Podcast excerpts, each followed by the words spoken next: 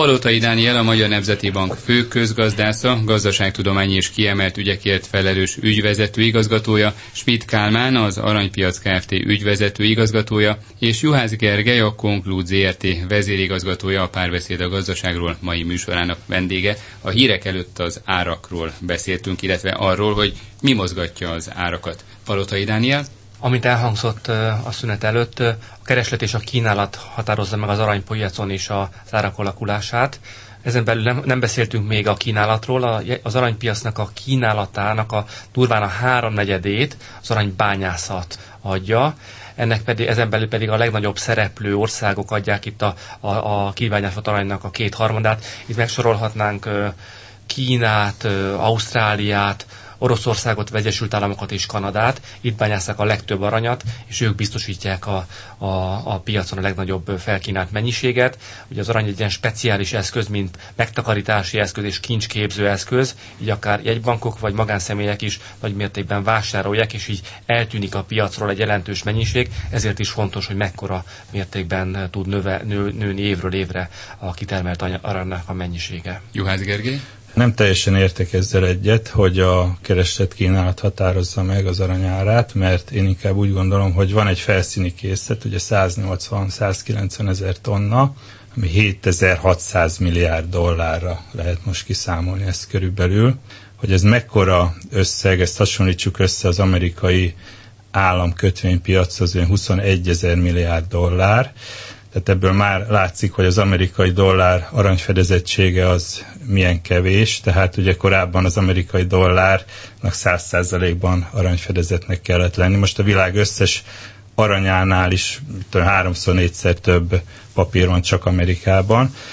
És ebből már is eljutottunk oda, hogy hogyha krízis van a világban, akkor az aranyat megtalálják, és ez hirtelen feldobja az aranynak az árát, hirtelen fölemeli, tehát hogyha ugye két nagy esemény nézzünk például, hogyha mondjuk a részvénypiac elkezd összeomlani, akkor mibe tudnak menni a befektetők? Ugye klasszikusan mentek az amerikai államkötvényekbe, tehát ezért ennek a korrelációja negatív a részvénypiacsal, egy, egy összeomlás krízis esetéről beszélek most, és a másik eszköz az arany.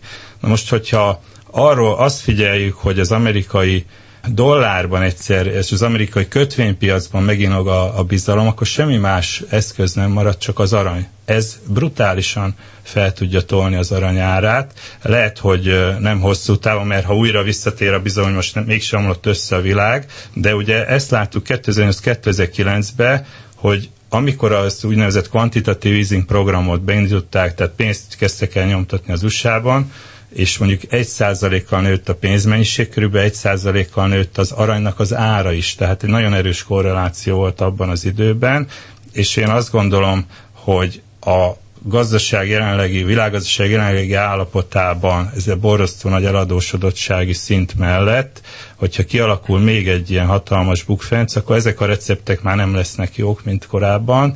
Nagyon ingott az egész, tehát amikor elkezdték nyomtatni a pénzt, akkor meg tudott nyugodni a piac, de most már nem biztos, hogy meg fog nyugodni, hanem egy óriási infláció lesz, és az arany lesz a menekülő eszköz. Gyakorlatilag egyedül az arany lesz a menekülő eszköz. Palotai Dániel? mégiscsak azt jelenti, amit Juhász Gergely leírt, amikor egy válságforgatókönyvről beszélt, hogyha sokan akarnak más eszközökből menekülni és aranyat venni, akkor az aranynak a kereslete meg fog ugrani, megemelkedik, tehát a kereslet és kínálat eltolódik az egy, egy irányból a másik irányba, és ez fogja fölhajtani ebben az esetben az aranynak az árát.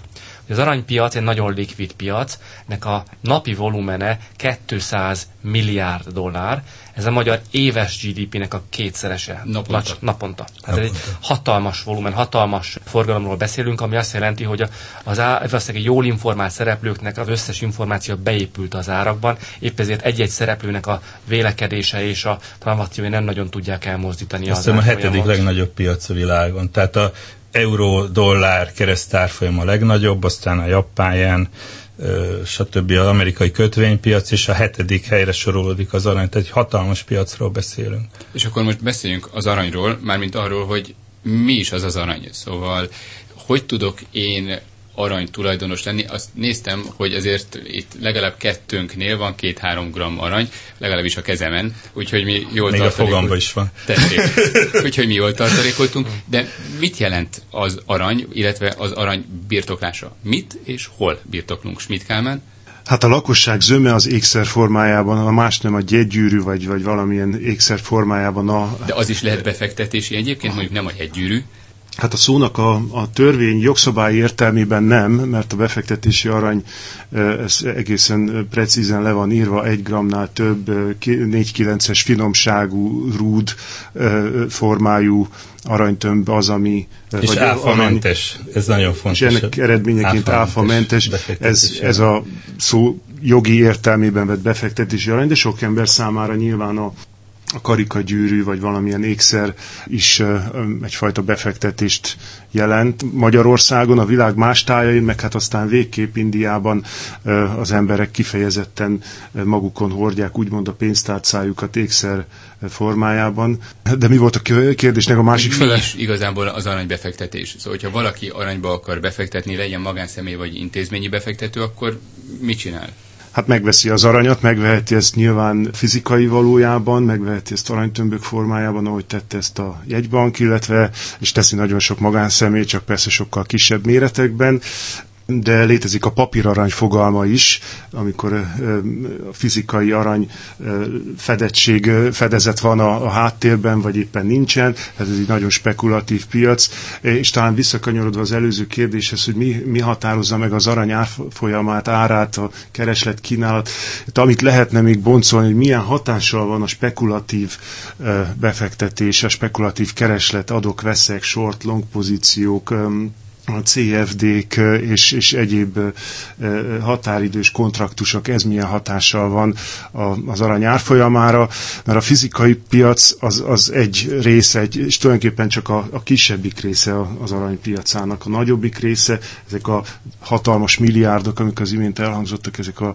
ezek nem fizikai valójukban forognak a tőzsdéken, hanem csak bitek, bájtok röpködnek. Jóhász Gergely, itt, hogyha egy magánszemély vagy egy intézményi befektető szeretne aranyat venni, vagy aranyban tartani... Csak is a fizikai arany. Tehát én azt mondom, hogy teljesen más instrumentum egy tőzsdén kereskedett ETF, vagy egy futures kontraktus, amit mondjuk a Chicagói tőzsdén kereskednek. Egyébként ugye az arany árfeltárásának az egyik központja, hogy a Chicagói tőzsde, de más dologról beszélünk. Tehát békeidőben úgy mond, a két árfolyam teljesen együtt mozog a fizikai arany és a, a papírarany árfolyam. Úgy így, így, vagyis, amit nem tudok megfogni, nem így, tudok bemenni, de, és azt mondani, hogy De vajon tudja kérem. valaki, hogy a Chicagói tőzsde warehouse-ába a, az open interestnek, tehát a nyitott kontraktusoknak hány százaléka van fizikai arany formában? Minden kétszázadik uncia aranyra van csak letéve aranyfedezet. Tehát, hogyha én ott veszek egy aranyat, és ki akarnám hozni, elméletileg lehetséges, de ugyanaz lenne, mint hogyha megrohannak egy bankot, hogy szeretnék a készpénzt kivenni, hát nincs annyi készpénz ott, mint amennyit a számlán nyilván tartanak. Tehát én azt, azt javaslom mindenkinek, hogy ezt a, helyre kell tenni ezt a két fogalmat, hogy hiába spekulál ő, az egy spekuláció, az arany árfolyamára egy mondjuk egy ETF-fel, egy értékpapír számlára helyezhető, TBS számlára helyezhető ETF-fel, az nem fogja azt jelenteni, hogy krízis helyzetben neki ez az arany bármit is fog jelenteni, mert abban a pillanatban, hogy, hogy krízis van, szétválik a fizikai arany árfolyama a papír arany árfolyamáit étól. Ilyet mi már láttunk a mi praxisunkban is 2011. augusztus másodikán, azt hiszem, amikor a, a legnagyobb hitelminősítő az amerikai kötvénypiacot három áról levágta kettő ára.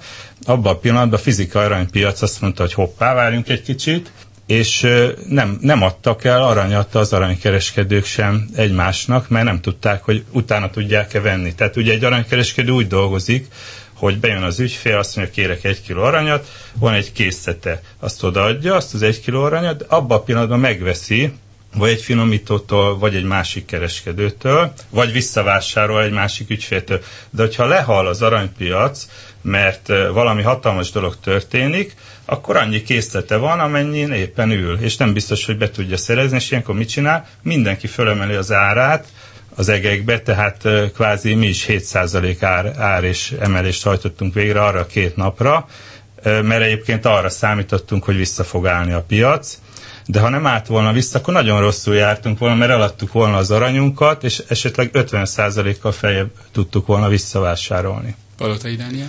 A Magyar Nemzeti Bank aranytömböket vásárolt. Egy darab aranytömb, azt úgy kell elképzelni, hogy 23 cm hosszú, 8 cm széles és 4 cm magas. Egy ilyen aranytömb az 12,5 kg, bár ránézésre akkora, mint egy 10 dobozos ilyen tojás kartonba. Súlyra az 12,5 kg az olyan, mintha két karton ásványvizet próbálna az ember megemelni, bár elég kicsinek néz ki. Ebben az arany, ami a nemzetközi sztenderdeknek megfelel, és amit mi is vásároltunk, ez legalább 99,5% tisztaságú kell, hogy legyen. Tehát ennyi a valódi színarany benne. A maradék pici az például réz lehet, ami a, a megmunkálhatóságot és a kezelhetőségét lehetővé teszi. Szó volt itt, vagy elhangzott a lajos arany, illetve az, hogy az ember vegyen akár kisebb mennyiségben, vagy kisebb darabokban. Elmegyek önökhöz, és azt mondom, jó napot kívánok, 13 deka aranyat szeretnék vagy hogy néz ki, mert hogy a 12 kilós tömböt nem feltétlenül raknám a cekkerembe, arról nem is beszél, hogy nem biztos, hogy ki tudnám úgy hirtelen fizetni. Schmidt Kálmán? inkább gramban vagy unciában mérünk, mint dekában.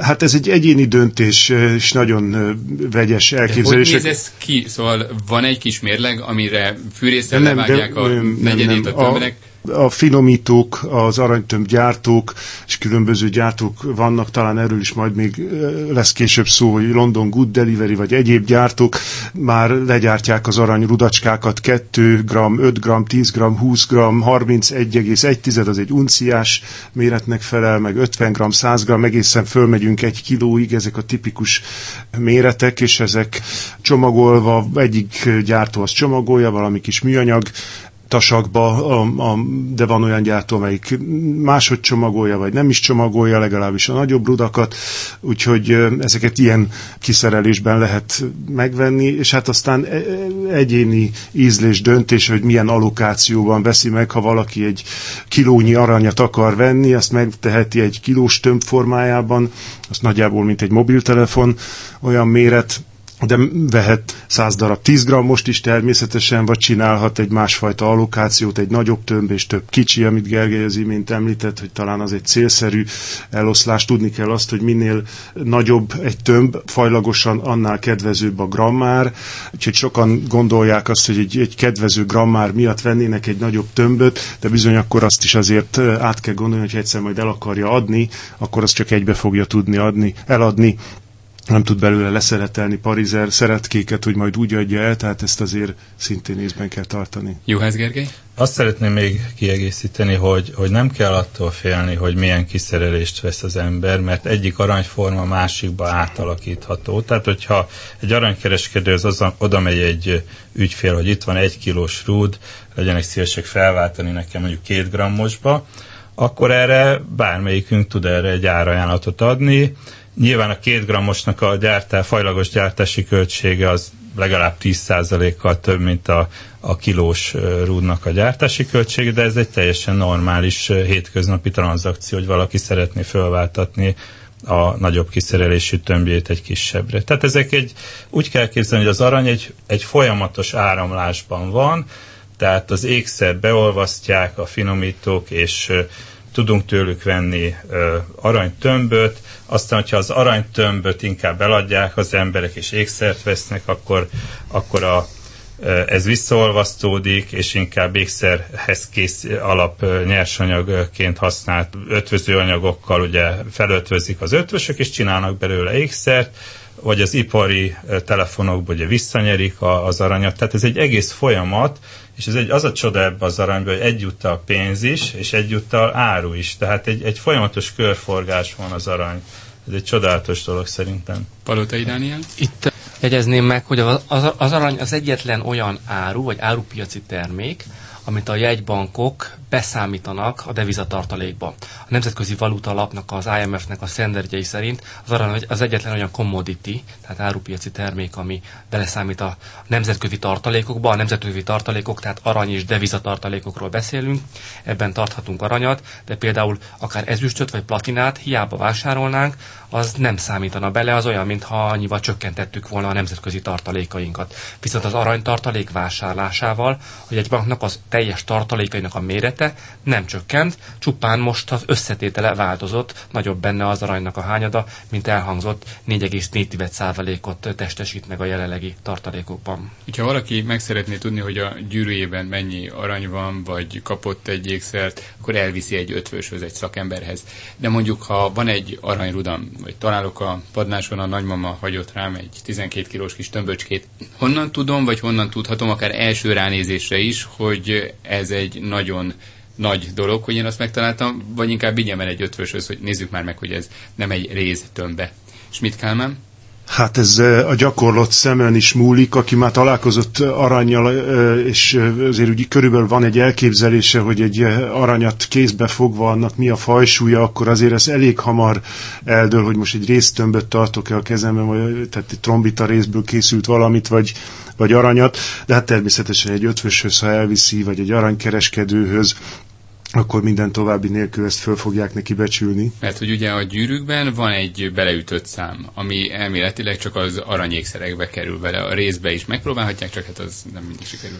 Hát az aranytömböknek is, igen, az imént beszéltünk arról, hogy különböző gyártók vannak, van az úgynevezett London Good Delivery Standard. Ez uh, mit jelent? Ennek a London Good Delivery-nek egy hosszú történelmi múltja van, már azt hiszem, hogy talán az 1700-as évektől kezdődően a, a Bank of England kezdte kidolgozni ennek a szabályait, és ez egy és aztán az LBMA, mint a London Bullion Market Association, mint a londoni nemesfilmtős, de üzemeltető szervezete dolgozta ki tovább ezeket a standardeket. Különböző gyártók minősíthetik magukat az LBMA által, és ha megkapják a London Good Delivery minősítést, akkor az ő tömbjeik úgymond kiemelkednek a, a, az aranypiac tovább egyéb szereplőinek a termékei közül, és jelölve vannak értelemszerűen a tömbök. A tömbökre rá szokták egyébként írni a finomságot, sorozatszámot, a gyártói jel szokott rajta szerepelni. Egy tömb, amelyen ilyen jelek nincsenek, vagy máshogy szerepelnek, az gyanúra ad okot, de hogyha ezek a technikai paraméterek rajta vannak, és a csomagolása is még hozzá sértetlen, bontatlan, akkor azért nagy eséllyel egy jó tömböt találta a nagymama padlásán az illető. Úgy legyen. Juhász Gergely? E, igen, tehát e, ezen a London Gold Listen kb. 110 gyártó, illetve kereskedő van rajta a magyar aranypiacon, ami forog, igazából svájci gyártású rudak, amit a osztrák eh, jegybank leánycége megbízásából gyártanak, valamint eh, eh, svájci gyártóknak az eredeti rúdjai, ezek forognak leginkább. De visszatérve a nagymama aranyrúdjára, tehát ránézve nem biztos, hogy meg lehet mondani egy aranyrúdra, hogy, hogy az, az aranya, illetve egész pontos, hogy van-e benne valami olyan anyag, ami nem arany, körbeöntve, ezért találták ki a roncsolásmentes vizsgálatokat. Ezek nagyon jó eszközök, tehát ugye a, van egy ilyen mágnes mérleg, amit napi szinten használunk, ez kimutatja, hogyha Wolfram magot körbeöntenek aranyjal, ez a leggyakoribb trükk. Egyébként Mert ugye a Wolfram igen nehéz. A Wolfram pont ugyanannyi sűrű, ugyanolyan sűrű, 19,3 körül van az arany, tehát nagyon sűrű fém, az ólomnál sűrűbb és így ránézésre, sőt az ékszer se fogja megmondani, mert ő megcsepegteti, próbát csinál, bereszeli egy milliméter vastagság, és, és azt mondja, ez arany. Tökéletes 24 karátos arany, ugye ez a 99,99 százalék, de benne van egy wolfram tömb. És ami értékes, azt ugye tudjuk, hogy hamisítják. Tehát minden, ami érték, a festményektől kezdve a dollárig, azt ugye hamisítják. Hát az arany se kivétel ez alól. Ezért nem javaslom, hogy egymás között kereskedjenek az emberek, még akkor is, hogyha jól ismerik egymást. El kell vinni egy aranykereskedőhöz. Ő ezeken a roncsolásmentes eszközökön, sőt, hát használunk ultrahangot is, amivel bele lehet nézni az aranytömbbe. Ezzel meg tudja vizsgálni, és utána azt mondja, hogy ez rendben van, ez az aranyrúd. Palotai Dániel? A jegybankok a bankközi aranypiacon tudnak aranyat vásárolni. Mi is a bankközi aranypiacon vásároltuk az aranytartalékunk, aranytartalékunkat.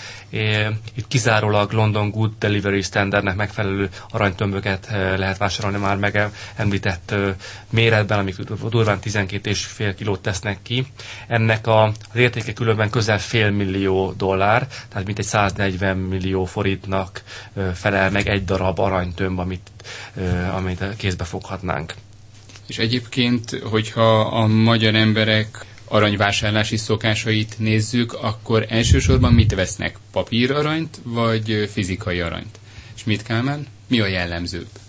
Hát a papíraranypiacra kevés rálátásom van. Nyilván van egy olyan réteg, amely különböző kereskedési platformokon kereskedik aranyjal, ilyen papíraranyjal. Mi leginkább persze a Hát a magánszemélyekkel találkozunk, akik aranytömböt vesznek, aranyérmét vesznek, az öme az inkább tömbformában választja, mint érmeformában. Találkozunk ékszerészekkel, akik alapanyagot vásárolnak. Tehát, ez, tehát voltak éppen fizikai valójában foglalkozunk mi az aranyjal. Juhász Gergely? Hogyha megnézzük, hogy a béten mennyi forog aranyban, van egy certifikát, hát a napi forgalma 2-3 millió forint, hát ennél egy közepes forgalmi aranykereskedő is jóval nagyobb forgalmat bonyolít napi szinten. Tehát a Béten volt korábban egy próbálkozás, hogy fizikai, akkor még én is ugye ezen a vonalon mozogtam, fizikai arany leszállítású kontraktus, nem volt sikeres több ok miatt, Viszont én úgy látom, hogy a aranybefektetés zöme Magyarországon az papíraranyba megy, és itt a, elsősorban a privátbanki ügyfelekre gondolok, akiket a privát bankárjuk arra beszél rá, hogy ne vigye el onnan a pénzt tőle, hanem tartsodjon egy TBS számlán, majd veszek neked aranyat. És ennek az a ba, ezzel az a gond, hogy a papírarany, ahogy az előbb elmondtuk, nincs köszönő viszonyba akkor a fizikai aranya, amikor tényleg szükség lenne rá. Tehát egy árfolyam játékra, árfolyam spekulációra nagyon jó a, a papírarany. Szerintem a papírarany forgalom legalább ugyanakkor a Magyarországon, mint a, mint a fizikai arany. Én a fizikai arany piacot körülbelül olyan 10 és 30 milliárd forintra becsülöm most éves szinten a forgalmat. 2011-ben jóval nagyobb volt, tehát szerintem akkor elment 50 milliárd forintig a teljes forgalom, tehát az összes aranykereskedő által megforgatott arany értékre gondolok. Ugye ennél most kevesebben vagyunk, tehát visszatérnék arra, hogy csak is a fizikai arany az igaz, és ezért én ezt nagyon jónak tartom, hogy, hogy gyakorlatilag a, az MNB hazahozta az aranyat, tehát a saját széfjeibe őrzi, nem pedig egy külföldön tárolt aranyról van szó, és rögtön fel is tenném a kérdést az MNB-nek, hogy nem akar tárolási szolgáltatást nyújtani mondjuk a hazai aranykereskedőknek, lehetőleg jó olcsón, mert ez az egyik legnagyobb problémánk egyébként. Palotai Daniel, akár a kérdés, illetve hát az előbbi kérdés a fizikai és papírarany. A Magyar Nemzeti Bank, mint azt többször már kommunikáltuk, egy már létező minden biztonsági követelménynek megfelelő tárolójában, saját tárolójában, saját tulajdonában lévő tárolójában helyezte el az aranytartalékot, amely Magyarország területén van. Az a szerencse, hogy ennek a fizikai helyszínét még én sem ismerem, és nyilván ebben már meg is válaszoltam a kérdést. már meg is válaszoltam azt a kérdést, hogy a jegybank milyen szempontok miatt alakítja ki ezeket a tárolókat, hiszen alapvető feladata az, teljes biztonságban őrizze mind az aranytartalékát, mind pedig ugye a pénzforgalom biztosításához szükséges készpénzmennyiséget. Köszönöm szépen, hogy itt voltak. Palotai Dániel, a Magyar Nemzeti Bank fő közgazdásza, gazdaságtudományi és kiemelt ügyekért felelős ügyvezető igazgatója, Schmidt Kálmán, az Aranypiac Kft. ügyvezető igazgatója, és Juhász Gergely, a Konklúd ZRT vezérigazgatója volt a Párbeszéd a gazdaságról mai műsorának vendége. A beszélgetést visszahallgathatják az infostart.hu oldalon, illetve megnézhetik az Inforádió YouTube csatornáján. A műsor elkészítésében Szécsi Ágnes és Módos Márton főszerkesztő vett részt. Király István Dánielt hallották, köszönöm a figyelmüket, viszont hallásra!